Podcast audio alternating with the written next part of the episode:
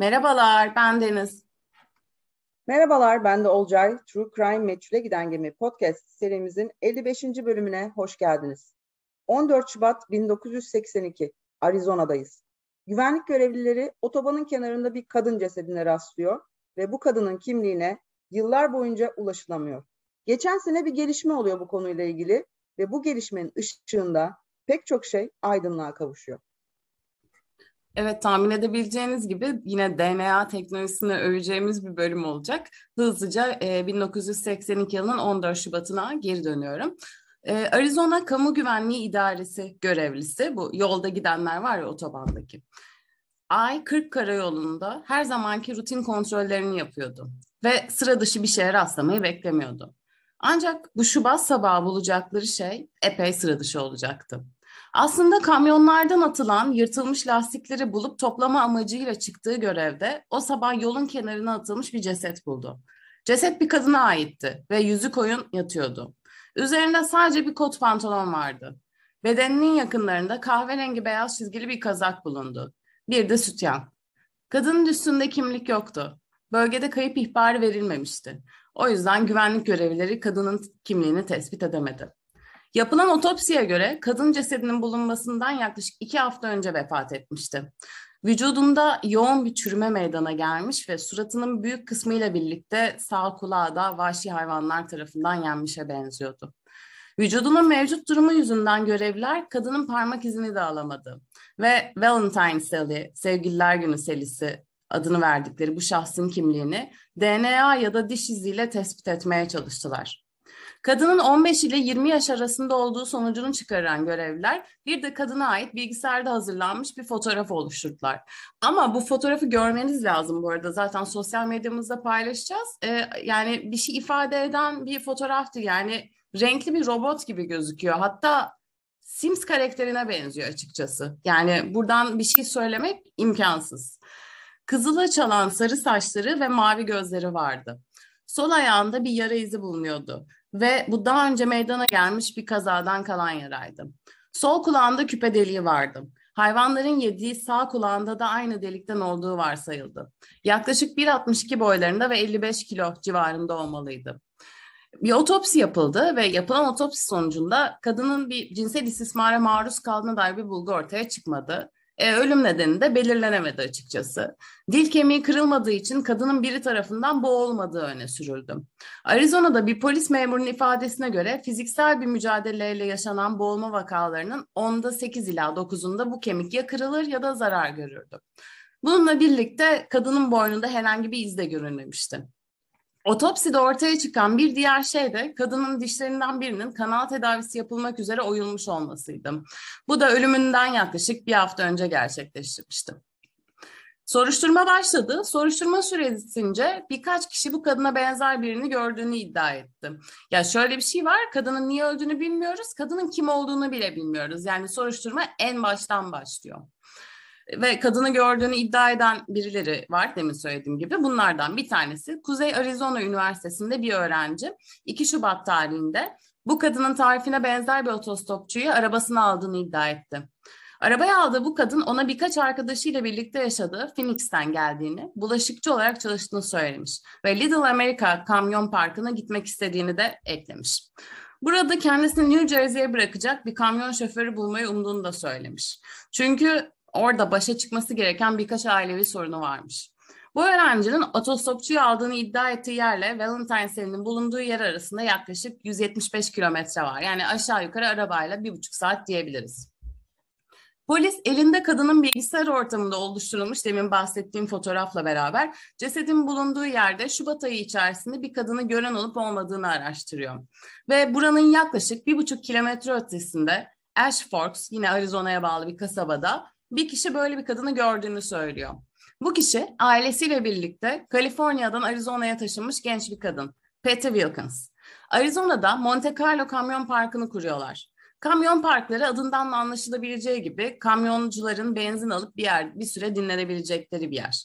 Burada duş alabilecekleri, yemek yiyebilecekleri, ufak tefek şeyler de satın alabilecekleri hediyelik eşyada bulunuyor. Patty bu lokantada çalışıyor ve tam hatırlayamasa da 2 ya da 3 Şubat 1982 günü Valentine Selin'in tarifine uyan bir kadının kendisinden yaşça büyük 50'lerinde gözüken bir adamla çalıştığı lokantadan içeri girdiğini söylüyor. Saat o sırada sabaha karşı 2-3 sularıymış ve elbette genç kadınların özellikle o saatte bir kamyon parkında olması pek de alışılmış bir durum değilmiş. Patty'nin söylediğine göre 17 yıldır bu işi yapıyorlarmış. Rutin bir uygulama olarak genç bir kızın kamyon parkına geldiğini gördüğünde Şerif'e haber verip bu kişinin evine geri gönderilmesini sağlarmış. Ancak bu durumda Patty kıza iyi olup olmadığını sorduğunda kız ona her şeyin yolunda olduğunu ve bu adamla birlikte kalmasında bir sorun olmadığını söylemiş. Patty de bunun üzerinde herhalde aileden birisi, adam kızın amcası ya da babası diye düşünmüş.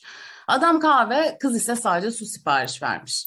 Patty kıza tekrar iyi olup olmadığını sorduğunda kız dişinin fena halde ağrıdığını söylemiş. Patty bunu polise söylediğinde polis hemen ağrıyan dişin hangi tarafta olduğunu bilip bilmediğini sormuş. Patty de sol taraf olduğunu söylemiş. Bunu hatırlıyormuş bu biraz ilginç. E, çünkü kıza parçalayıp dişi üstüne koyması için bir bebek aspirini geçirmiş. Yani aspirini e, içsin diye değil, dişin üstüne koysun diye getirmiş. Olcay böyle bir yöntem var mı? İzmir'de kullanıyor musunuz bunu? İzmir'de aspirine ne diyorlar acaba? Yok yani hiç böyle bir şey duymamıştım. Öyle bir koca karı ilacı olarak da duyduğum bir yöntem değildi. Herhalde Arizona'ya özgü bir yöntemdir. 80'lerin Arizona'sına özgü. Ee, Arizona'nın çok değişik kanunları da var. Olcay'la e, bu podcast öncesi görüşme yaptık bununla ilgili. Sizi de bilgilendirmek isteriz efendim. Devam ediyorum. Bu bebek aspirini neden önemli? Çünkü Petin'in anlattığı kadınla cesedi bulunan kadının aynı kişi olduğu e, bu sayede anlaşıldı. Evet, bebek aspirini sayesinde. Çünkü cesedin ağzındaki oyuk dişin içinde aspirin kalıntısı vardı. Peti bunun üzerine karakola götürüldü ve orada da kızın üstündeki kıyafetleri teşhis etti. Bunun üzerine polis kadının lokantadan ayrılmasından kısa bir süre sonra öldürüldüğü sonucunu çıkardı. Çünkü otopsi sonucunu hatırlayalım. Ceset bulunduktan yani 14 Şubat 1982'den iki hafta önce öldürülmüş olmalıydı. Ve Petty'nin söylediğine göre lokantadaki kadını 2 ya da 3 Şubat'ta görmüştü. Kadının kot pantolonundaki kemer yerlerinin söküldüğü ortaya çıkmış ve bu da onun sürüklendiği sonucunu beraberinde getiriyor. Ayrıca kadının muhtemelen kamyonlardan birinin içinde öldürüldüğü, sonra da kemer yerlerinden sürüklenerek bulunduğu noktaya atıldığı düşünülüyor. E, peki Petin'in anlattığı kız, bu kızsa onun yanındaki adam kim? Olcay? Bakalım kimmiş? Petin'in tek hatırlayabildiği adamın kadına göre yaşça büyük, 50'lerinde olduğu, kafasına bir kovboy tak şapkası takmış olduğu, şapkasının üstünde de bir tavus kuşu tüyü bulunduğu. Bir tek bunları biliyoruz. Bunun üzerine bir robot resim ortaya çıkarılıyor fakat bu robot resimde bence e, yani şey kızın Simsvari resminden daha da beter. Tamamen böyle bir karalama gibi bir komik bir resim çıkmış ortaya. Aşırı aciz bir yetenek demek istiyorum. Ancak Petty'e göre adam ona bir şey yapmamış olabilir. Çünkü yanındaki kadına çok nazik davrandığı, hatta diş ağrısı sebebiyle onunla epey ilgilendiğini gördüğünü söylüyor. Kadının ailesinden biri gibiymiş açıkçası. E, ancak güvenlik görevlileri Petty ile aynı fikirde değil. E, bu adamın Valentine Sally'nin ölümüyle doğrudan bir bağlantısı olduğu konusunda hem fikirler. E, çünkü genellikle biliyoruz ki e, katil kurbanın yakınlarından biri olur. E, şimdi biz yine her zamanki gibi mümkün olduğunca elimizden geldiğince yaptığımız gibi bir DNA teknolojisi öveceğiz bundan sonrasında. E, 1982 yılı DNA veri tabanı olmadığı için alınan örneklerle bir karşılaştırma yapılamayan yıllardan biri. E, bu yüzden önce bir şüpheli bulup ancak onunla bir karşılaştırma yapmak gerekiyor ve bu e, bu senaryoda yani Valentine Sally'nin e, olayında herhangi bir şüpheli bulunamadığı için bir karşılaştırma da yapılamıyor. Aynı şey diş analizi için de geçerli. E, veri tabanı eksikliği çözümleme ihtimalini de ortadan kaldırıyor tabii ki. Tabii artık durum neyse ki böyle değil. Bugün DNA veri tabanları sayesinde karşılaştırma yapmak ve dolayısıyla suçlulara ulaşmak çok çok daha kolay e, günümüzde. Bölge şerefi bu olayı saplantı haline getiriyor ve kendi boş zamanında olayın üstüne düşüyor. Ve FBI kayıtlarındaki 2000'den fazla kayıp kadının hikayesini incelemeye başlıyor. Yurt genelinde de birçok polisle konuşuyor. E, ve 1984 Temmuz'unda aslında bir cevaba ulaşıyor bölge şerifi.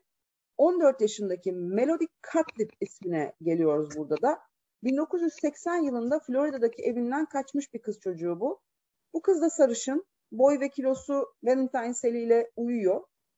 E, Valentine Sally ile Melody'nin surat ve diş fotoğrafları, e, dikkatinizi çekerim burada, diş örneği, diş raporu, diş analizi değil fotoğrafları e, bir uzmana gönderiliyor ve o da bunun Melody Cutlip'e ait olduğu sonucunu çıkarıyor. Yani tabii ki diyor fotoğrafa bakıyor ve tabii ki diyor yani Deniz çok uzman görüşü değil mi bu? Yani iki dişe bakıp fotoğrafa. Tabii canım ben yani bir dişe baksam derim ki o Olcay'ın dişi bu. bu kesinlikle Olcay'ın dişi. Başka yani, kimin olacaktı? Müthiş. E tabi diplomaları boşuna vermiyorlar bu insanlara. Şaka bir yana bir şey soracağım bu noktada. Ee, şey 1982'de nasıl dişten bulamazlar ya? Dişçi kayıtlarına niye gitmiyorlar ki? Ya bir de kızın e, dişi oyulmuş durumda. Yani orada bir tabii kanal tedavisi var. Ne bileyim o kanal tedavisini yapan bir doktor olmuş olması lazım. Neyse ya sağ saklamanın böylesi dediğimiz olaylardan biri herhalde. Fakat şimdi yani Melody Cutlip'e ait olduğu ortaya atılıyor bu uzman görüş sayesinde ve buna bayağı inanıyor. Herkes tamam diyorlar yani bulduk e, kurbanı. Fakat Melody'nin annesi aynı fikirde değil ya bir kere şunu söylüyor yani her rasyonel insan gibi yani benim kızım Florida'dan Arizona'ya nasıl gitmiş olabilir acaba diye sorguluyor.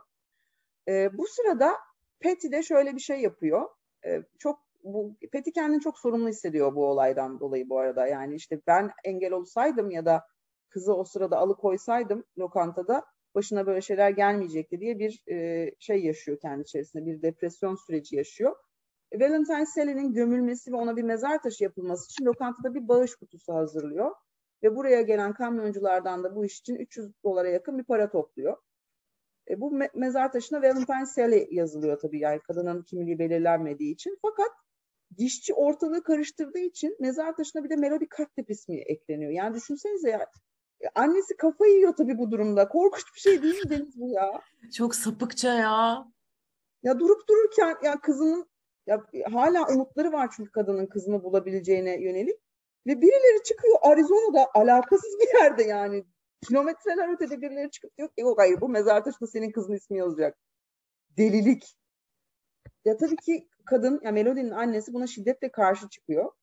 Ee, hatta yani dalga geçer gibi kadına şey falan soruyorlar. İstersen naaşını sana gönderelim. Yani sonuçta Arizona'da görmek zorunda değiliz bunu e, bu kadını.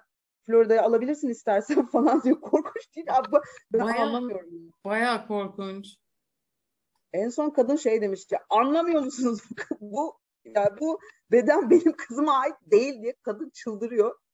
Ve yani e, 1986 yılında kadının doğru söylediği ortaya çıkıyor. Çünkü Melody Cutlip gayet kanlı canlı bir şekilde evine geri dönüyor. Artık 18 yaşında ve ailesine şey diyor işte yani ülkeyi gezmek istemiştim o yüzden evden kaçtım gibi gerzekçe bir şey söylüyor. O da tabii bam yani bambaşka bir şey komedi de. Yani annesi yaşadıklarıyla kalıyor yani. 1987 yılına geliyoruz. Valentine Sally e, kafatası incelenmek üzere mezarından çıkıyor. Bu sırada mezar taşının üzerinde hala Melody Cutlip yazıyor. Kadının özel ısrarı ve isteğine rağmen ya kızım bakın bulundu geçen sene geldi kendisi falan demesine rağmen mezar taşında hala Melody Cutlip yazıyor. Korkunç. Melody ile ilgili de kötü bir haber verelim. Kendisi ne yazık ki geçirdiği bir kaza sonucu henüz 32 yaşındayken ölmüş. Ee, Evet şey, Valentine Sally'nin vakası 2021 yılına kadar bu şekilde kaldı. E, kadının kimliği teşhis edilemedi. E, bu kadına bunu kimin yaptığı belirlenemedi. Ancak 22 Şubat 2021'de geçen sene Şubat ayında bir gelişme oldu. Ve biz artık Valentine Sally'nin kimliğini biliyoruz. Bu da e, şöyle gerçekleşiyor. Kayıp çocukların ve kadınların bulunmasına yönelik verilen bir fon sayesinde oluyor. Böylece kadının DNA örneği de pek çok DNA'nın yer aldığı, DNA örneğinin yer aldığı veri tabanına gönderilebilmiş oldu ve buradan bir eşleşme çıktı. Ee, ve artık Valentine Sally'nin bir ismi var. Caroline Eaton. 1981 yılının Noel'inde Missouri St. Louis'deki evinden e, Valentine Sally'nin cesedinin bulunduğu yerden bu arada 2200 kilometre ötede burası. Bu evden kaçtığında 17 yaşındaydı Carolyn. Ee, kızla ilgili bir kayıp ilanı verilmemişti tuhaf bir şekilde. Neden evden kaçtığı ya da yaşadığı sorunlarla ilgili herhangi bir bilgi de yoktu. Peki neden kayıp ilanı verilmemişti? Bu bir soru işareti çünkü Ethan'ların evinin hemen karşısındaki evde oturan kadının yani komşularının söylediğine göre 80'lerin başında Carol'ın ortadan kaybolduğunda herkes şoka girmişti. Ee, biraz da belalı bir tip olduğu söyleniyor bu kızın. Ancak ona bir kimlik kazandırmak yine de katilin kim olduğunu açığa çıkarmamıştı. Puzzle'ın yarısı çözülmüştü sadece. Acaba ilk başta bahsettiğimiz bu Kuzey Arizona Üniversitesi'ndeki öğrencinin bu işte bir ilgisi olabilir miydi? Arabasını aldığını söylediği kız Carolyn mıydı? Cinsel bir istismar da söz konusu değilse bu cinayetin motivasyonu ne olabilirdi? Independent'da yazan bir makaleye göre özellikle 70'ler ve 80'lerde Amerika'da karayolu cinayetlerine çok sık rastlanıyormuş. Kötü niyetli kamyon şoförleri, otostopçuları, evden kaçanları ya da çaresiz durumda olanları araçlarını alıp onlara istediklerini yapıyor ve daha sonra da öldürüp yolun kenarına öylece atıyorlarmış. Bölgeyle bir alakaları olmadığı ve güzergahlarından da bu sırada sapmadıkları için kimse onları suçlayamıyormuş. Hatta e, ben bu şeyi araştırırken Deniz şey dedim, e, ya o kadar iyi hikayeler var ki belki ileride bir karayolu seri katilleri bölümü yaparız. Ne dersin?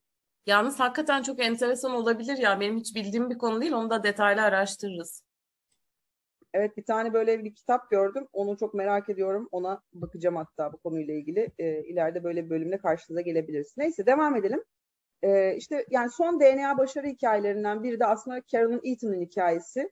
E, dosyayı yeniden soruşturmaya açan görevlilerin söylediğine göre katille ilgili de araştırmalar devam ediyormuş ve bu nedenle açıklanmayan bazı detaylar ve bilgiler varmış. Umarım hani kısa zamanda bizler de e, bu bilgilere ulaşırız ve katilin kim olduğunu da öğreniriz. E, teorilere geçelim mi Deniz konuyla geçelim, ilgili? Daha fazla geçelim. bir bilgi yok çünkü e, bu şeyle ilgili. Kim yapmış olabilir? Ne olmuş olabilir? Kızın başına ne gelmiş olabilir? Birincisi tabii ki seri katil teorisi. Bununla ilgili hani biraz detay açalım. E, ya Patty'nin kızın yanında gördüğünü söylediği adam bu 50 yaşlarındaki kovboy şapkalı adam bir seri katil olabilir mi? Kızı otostopçu olarak aracına almış, onunla bağ kurmuş, yakınlık kurmuş çünkü Patty'ye çok yakın olduklarını söylüyordu.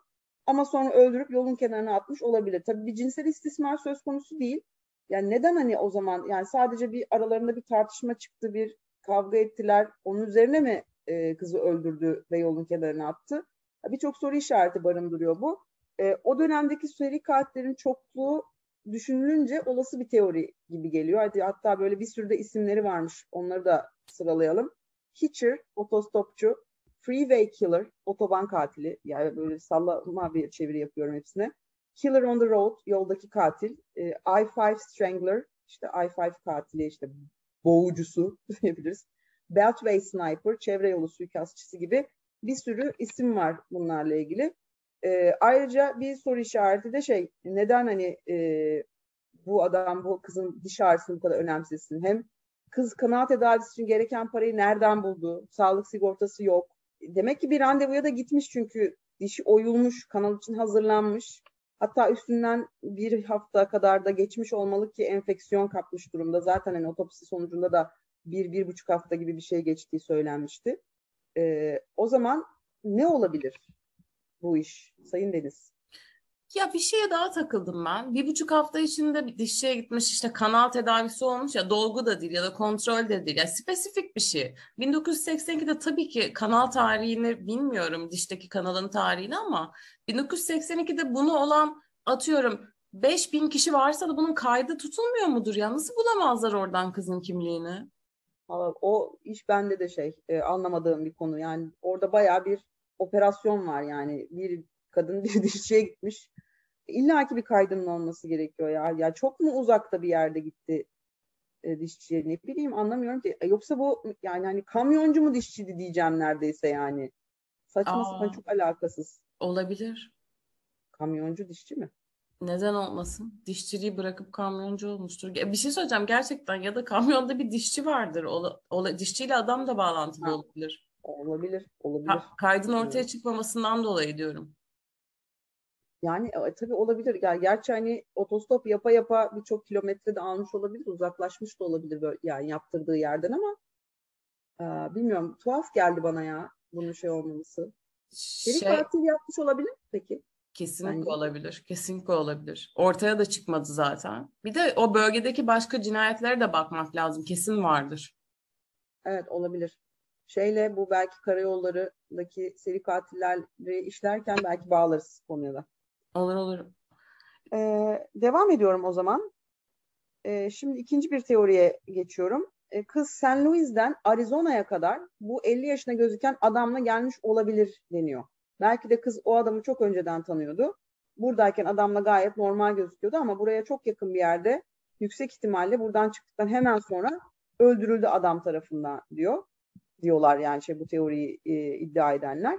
Genelde evden kaçan e, kızlar bir şeye güvenip kaçıyormuş. Yani belki o e, işte Valentine's yani işte Carolyn Eaton hatta artık ismini söyleyebiliriz. Belki bu adama güvenmiştir ve yol boyunca onunla birlikte gelmiştir. Belki eskiden tanıdığı biridir diyorlar. Carolyn üzerinden herhangi bir iz sakladılarsa adamın DNA'sı ve bulunabilir ve hatta şu an hala bununla ilgileniyor olabilir. E, sonuçta işte süreçte devam ediyor bu konuyla ilgili.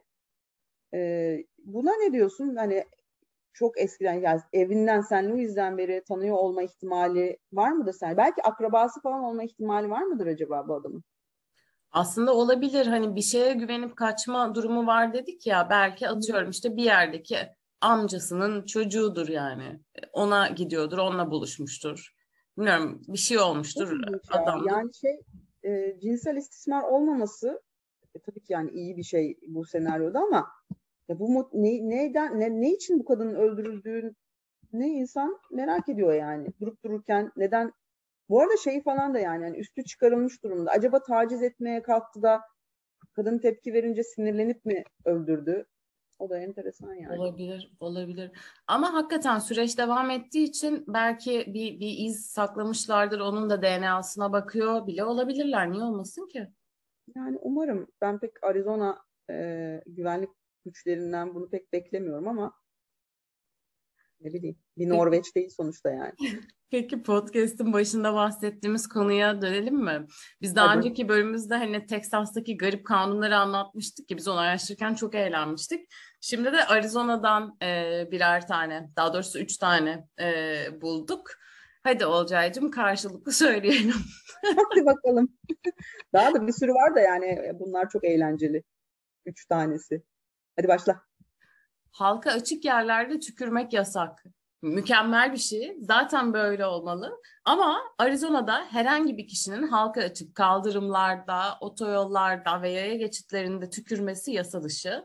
Ayrıca halka açık herhangi bir yola, parka ya da kamu binasına tükürmek de aynı şekilde yasa dışı ve belediye binası gibi bir kamu binasının dışına tükürürseniz suçlu bulunabilirsiniz. 2500 dolara kadar bir para cezası alabilirsiniz. Bu para cezasını vermezseniz olay 6 ay hapse kadar gidebilir. Çok iyi kanun. Çok güzel. Çok güzel. Demek ki bizim e, şey atalarımızla Arizonalı atalar arasında bir akrabalık bağı da olabilir. Çünkü biz de böyle cezalara ihtiyaç duyuyoruz. Evet.